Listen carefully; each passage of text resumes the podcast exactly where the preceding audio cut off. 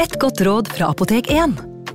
Nå er snart pollensesongen i gang, og et godt råd til deg som sliter med pollenallergi, er å begynne behandlingen i god tid før allergisesongen starter. Da får du nemlig enda bedre effekt av legemidlene, og så blir ikke våren din helt ødelagt. Kom innom og få råd på ditt nærmeste Apotek 1, eller chat med oss på apotek1.no. Apotek 1 vår kunnskap, din trygghet.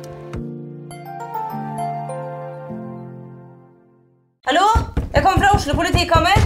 Ine Jansen er purk. Er du purk? The motherfucking bitch. Alt jeg vil, er å finne ut hva som skjedde med mannen min. Jon Carew. Er jeg sikta for noe? Iben Akeli. Det er du. Ole So, Lars Berrum og Big Daddy Karsten. Hvem sin side er du på, egentlig? Anette Hoff, Tone Danielsen, Kommer du fra Afrika? Jørnis Josef, Nesten kløfta. Trond Espen Seim, Det er synd å si det, men det var feil mann som døde. Purk. Premiere tirsdag på TV2 Play. Ungsamtalen fra DNB er økonomisk veiledning tilpasset deg som er ung. Bokk en ungsamtale på dnb.no. slash ung. Det er kjempebra hvis du skal inn på boligmarkedet, hvis det er drømmen din, liksom. Det er det du skulle sagt. Og så kunne du ropt litt mer, da, sånn som jeg gjorde. Bam! Advarsel. Historiene vi forteller i denne podkasten kan være fiktive og avvike fra den opprinnelige historien av dramaturgiske årsaker. Meninger og påstander i historiene reflekterer nødvendigvis ikke programledernes meninger eller virkeligheten.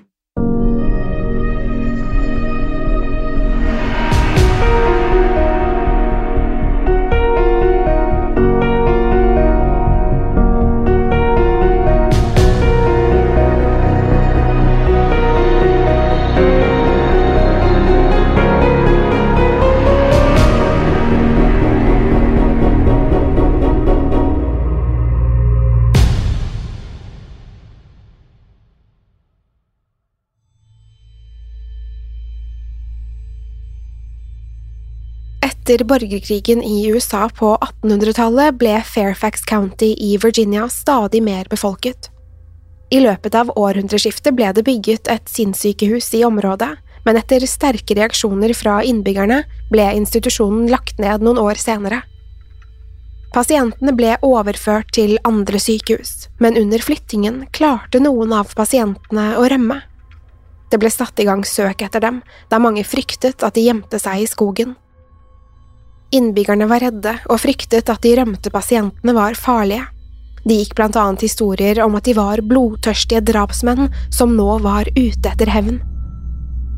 De fleste av pasientene ble funnet, men to av dem var fremdeles på frifot, Marcus Lauster og Douglas Griffin. De lokale myndighetene fant etter hvert spor som de mente stammet fra de to mennene. Rundt sporene fant letemannskapet halvspiste, lemlestede kaniner.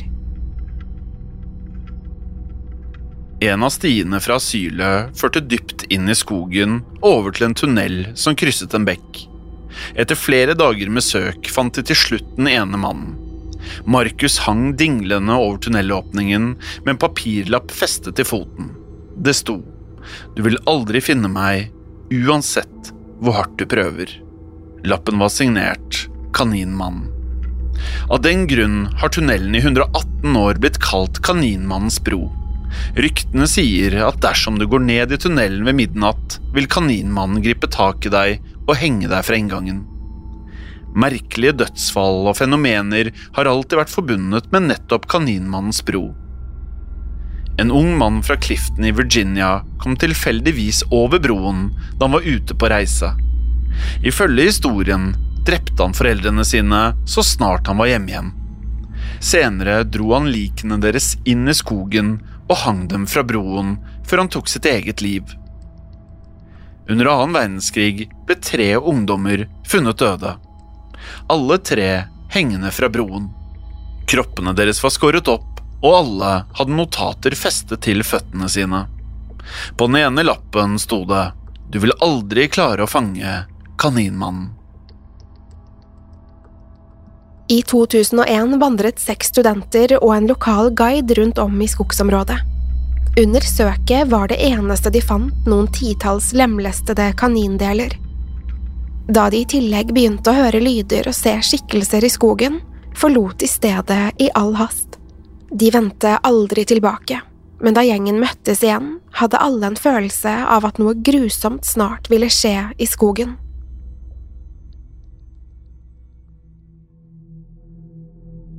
For en tid tilbake var jeg på vei til West Virginia. Jeg var allerede kjent med at det fantes historier om Kaninmannen i byen, men jeg visste ikke hva de handlet om. Mitt første stopp i byen var på en kafé. Det var ingen gjester der, annet enn en mann som satt innerst i et hjørne. Han satt med kroket rygg og nippet i kaffen sin mens han tittet ut av vinduet. Jeg var nysgjerrig på å lære mer om byen, og mannen foreslo at jeg kunne sette meg ned. Han fortalte meg om den gamle mentalinstitusjonen og om pasientene som hadde rømt derfra. Den ene av dem var savnet i flere dager. Samtidig var det flere som ble drept i den lille byen. Det første offeret ble knivstukket og flådd, og de neste ble hugget opp med økser. Jeg ble rystet av historiene han fortalte meg, og lurte på om det var trygt å bli i byen. Selv mente han at det ikke var noe å frykte. Du kan sove godt her i natt. Det er lenge siden noen har blitt drept nå. Av en eller annen grunn ønsket jeg å høre mer. Det siste drapet skjedde i en festbutikk, sa han, og nikket mot en dør på den andre siden av veien. Jeg fikk høre at eieren av festbutikken var den rømte pasientens ekskone. Hun hadde skilt seg fra mannen noen år tidligere, da det viste seg at han ikke var helt ved sine fulle fem. Da mannen kom inn i butikken, var hun i ferd med å stenge for kvelden. Han dyttet henne hardt inn mot veggen og hevet øksen. Hun ble slått i svime av det kraftige slaget og kollapset på gulvet. Men da hun våknet, sto han der fremdeles, like over henne, med øksen i hånden, og gliste. Han fant en påskeharedrakt i butikken og tok den på seg før han flådde henne levende. Da politiet ankom butikken senere den kvelden, fant de en beskjed på veggen skrevet i kvinnens eget blod. Dere har sett hva jeg kan gjøre. Ikke følg etter meg, da vil en av dere også møte kaninmannens vrede. Den gamle mannen fortalte meg at det gikk fem år uten at noen hørte fra kaninmannen. Ingen turte likevel å håpe at det var over. Hele lokalbefolkningen holdt pusten, de var redde for at de snart ville bli det neste offeret. Han fortalte meg at det nå lignet en spøkelsesby, Gatene var tomme, og menneskene holdt seg for det meste innendørs. Nå og da kom det forsvinninger i området rundt den lille byen, og mange mente at det måtte være den beryktede kaninmannen. Den gamle mannen slurpet i seg kaffen og sa at han hadde bestemt seg for å slutte å være redd. Jeg forsto valget hans, men da jeg spurte hvordan han kunne holde seg så rolig, fortalte han at det ikke alltid hadde vært slik. Den ene saken handlet nemlig om hans yngste barnebarn, Penelope. Han fortalte meg at Penelope hadde vært savnet i flere måneder, og både han, kona hans og foreldrene hennes var helt fra seg. Mannen fortalte meg at datteren hans var så fast bestemt på å få Penelope tilbake at hun en dag tvang ektemannen til å gå ut for å finne henne. Han hadde dratt ut med to av vennene sine, en kvinne og en mann, som begge jobbet i politiet. I flere dager lette de fra daggry til morgengry uten å finne noe som helst. Men så, en morgen, ble de oppmerksomme på et hull i veggen i den nye tunnelen som gikk under jernbanen. Da politiet utforsket hullet, snublet de over døde kaninskrotter, bein og innvoller. Kjøttet til kaninene hadde råtnet og etterlatt en forferdelig stank. Politikvinnen kastet opp av den kvalmende lukten. Politimannen lyste lenger inn i hulen, og da de fortsatte innover, oppdaget de noe som lignet en liten hule. Der inne fant de lemlestede menneskekropper. Levningene viste seg å komme fra flere av de savnede i byen. Begge skrek, for ingen av dem kunne unngå å se at det var Penelope som satt inntil tunnelveggen. Øynene hennes var borte, og hun var delvis flådd. Hun hadde ingen tenner igjen, og tungen var blitt fjernet. Det ene øret hennes var skåret av, og det andre hang og dinglet fra hodet. Jeg ble helt satt ut av det mannen fortalte meg. Jeg kikket rundt meg og møtte blikket til damen bak kafédisken. Hun smilte forsiktig og avslørte at hun hadde overhørt samtalen vår. Hun serverte oss et kakestykke hver og hvisket lavt. Det er sant, alt sammen. Jeg kunne ikke unngå å legge merke til at øynene til den gamle mannen var blanke. Jeg svelget den siste kaffeslurken og ville bare komme meg vekk med det samme.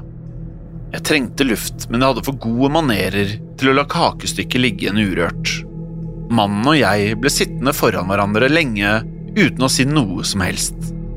Den eldre mannen slurpet i seg de siste kaffedråpene og tørket kakesmulene bort fra munnviken. Han stirret fremdeles ut av vinduet mot døren til den stengte festbutikken. Utenfor blåste en kald og hard vind. Jeg tørket meg forsiktig rundt munnen og ryddet sammen tingene på bordet. Deretter snudde jeg meg mot servitøren for å vise at jeg var klar til å betale. Hun nikket rolig. Jeg var i ferd med å takke mannen for samtalen da servitøren kom bort til bordet vårt med påfyll av kaffe. Hun helte rykende varm kaffe oppi koppene våre, og denne gangen fikk vi hver vår sukkerbit også. Jeg begynte å bli uvel og ville bare dra videre, til neste by. Men da begynte den gamle mannen å prate igjen, og denne gangen stirret han meg rett i øynene mine. Penelope hadde presset frem noen gurglende lyder, og det var tydelig at hun forsto at det var noen der.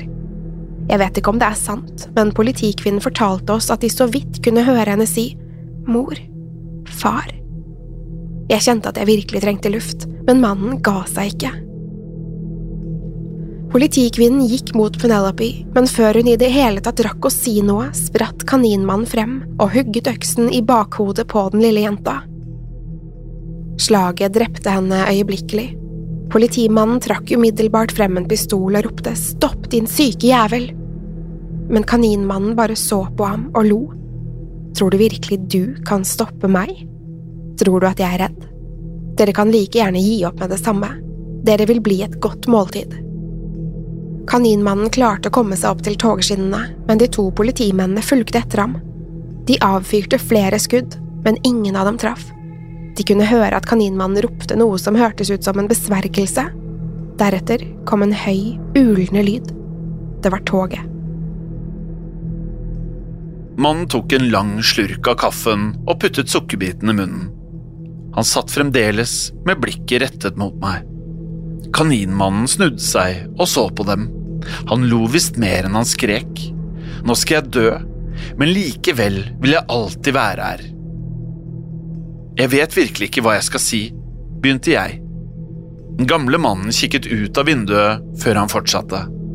Så ble han truffet av toget. Så snart godstoget hadde passert, gikk politimennene bort til stedet kaninmannen hadde stått. De hadde forventet å finne en maltraktert kropp, men det eneste de fant, var en død kanin.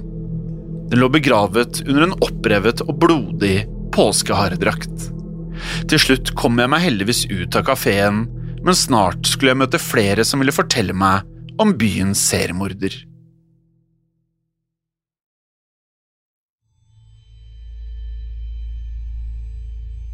Etter noen minutter ute i frisk luft møtte jeg noen tenåringer. Det var lørdag og skolefri, og jeg reagerte straks på hvor dystre de var.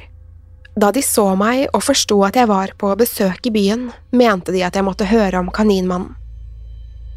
Klok av skade forsøkte jeg å komme meg unna, men det var rett og slett umulig. De fortalte meg at de en kveld rundt midnatt hadde gått under Kaninmannens bro. De hadde drukket og moret seg da de ropte Kaninmannen høyt flere ganger. Den siste gangen ble de blendet av et sterkt lys, og like etterpå hørte de en høy toglyd. Etter en liten stund hørte de latteren til den beryktede kaninmannen. Jeg ville bare komme meg ut av byen, men jeg oppdaget snart at det ikke gikk noen buss.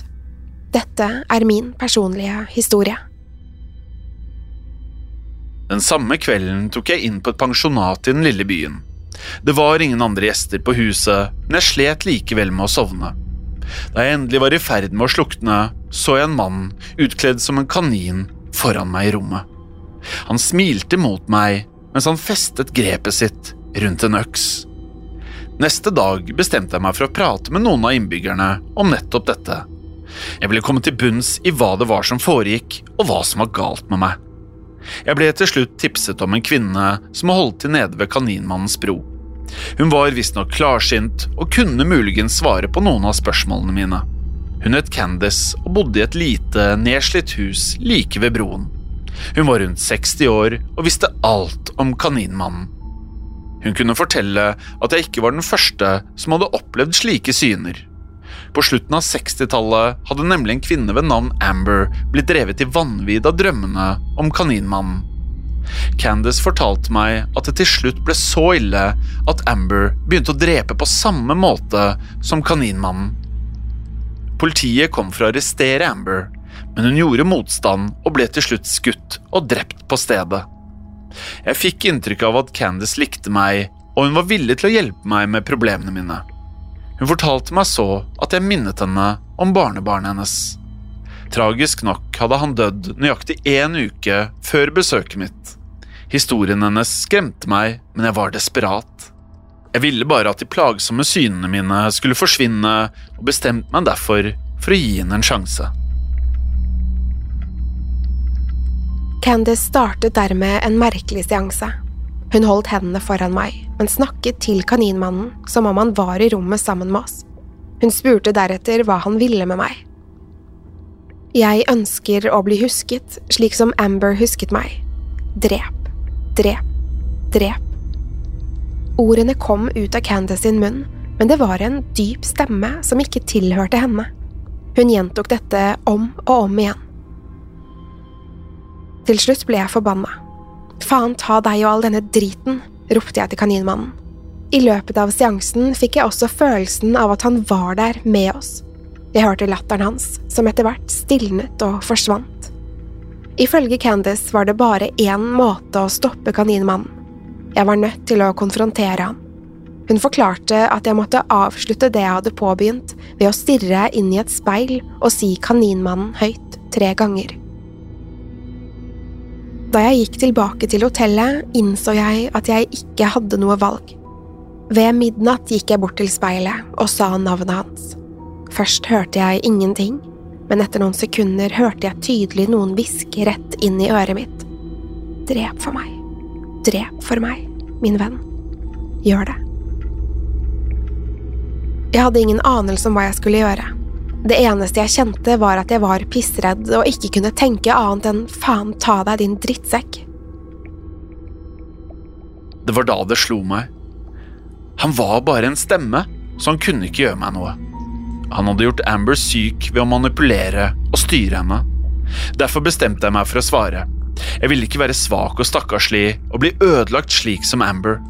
Jeg ville ikke slippe ordene inn i hjernen og tillate dem å forvrenge virkeligheten min. Jeg snudde meg mot lyden av stemmen og ropte. Du kan ikke kontrollere meg. Du er svak og ubrukelig. Jeg vedder på at du er i helvete. Forsvinn herfra og kom aldri tilbake. Men stemmen sto imot meg, og nå ropte den. Drep meg! Drep meg! Jeg svarte umiddelbart. Forsvinn, sa jeg, og kom aldri tilbake. Hver gang ble stemmen kraftigere, men jeg skrek dobbelt så høyt. Til slutt ropte jeg, helt til jeg mistet stemmen, forsvinn herfra og brenn i helvete! Deretter ble det helt stille. Det eneste jeg kunne høre, var lyden av min egen pust. Jeg famlet etter lysbryteren og skrudde på lyset og stirret i min forskrekkelse rett inn i speilet. Der så jeg et råttent ansikt med kaninører og blødende øyne som stirret tilbake på meg. Var dette kaninmannen? I neste øyeblikk ble skikkelsens hode slukt av flammer. Huden begynte å prelle av før den smeltet og avslørte en råtten hodeskalle. Det smalt fra gulvet under meg. Jeg så ned, men kunne ikke se noe som helst. Jeg bestemte meg for at det var over, men kunne likevel ikke la være å tenke på hva det egentlig hadde handlet om. Likevel sovnet jeg tvert da jeg la meg i sengen. Da jeg våknet neste morgen, fikk jeg vite at den synske kvinnen nede ved broen hadde dødd i løpet av natten. De mistenkte hjerteinfarkt, selv om obduksjonen viste bitemerker og avrevne hudfiller som ikke kunne forklares.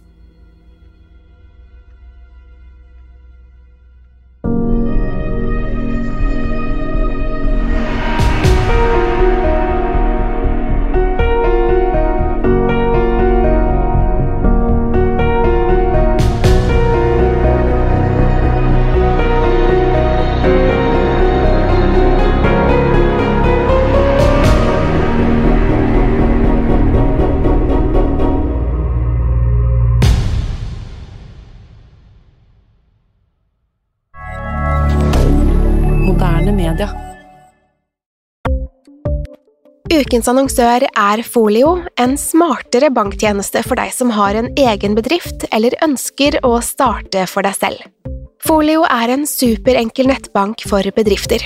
Som kunde i Folio får du en bedriftskonto med et bedriftskort og app. I denne appen er det smarte løsninger som forenkler regnskapet ditt, uansett om du har en liten bedrift eller et enkeltpersonsforetak. Folio er både intuitivt og brukervennlig, og er laget med et enkelt språk. I tillegg tilbyr de forutsigbare priser og ingen skjulte gebyrer. Skulle du likevel trenge det, så kan du snakke med deres raske og hyggelige kundeservice, og der får du prate med en faktisk person og ikke en chatbot. Folio er med andre ord både enklere og koseligere enn banken. Over 10 000 bedrifter har allerede valgt Folio som sin banktjeneste, så besøk folio.no og se hvordan Folio kan forenkle din hverdag også.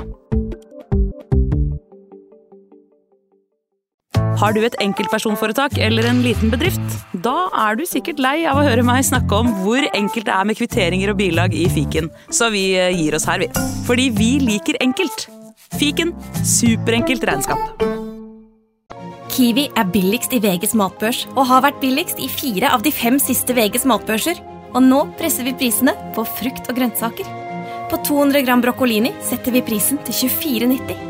På 400 gram Cevita blåbær setter vi prisen til 49,90. Og husk, alle Kiwi Pluss-kunder får i tillegg 15% trumfbonus på all fersk frukt og grønt. For det er vi som er prispresserne.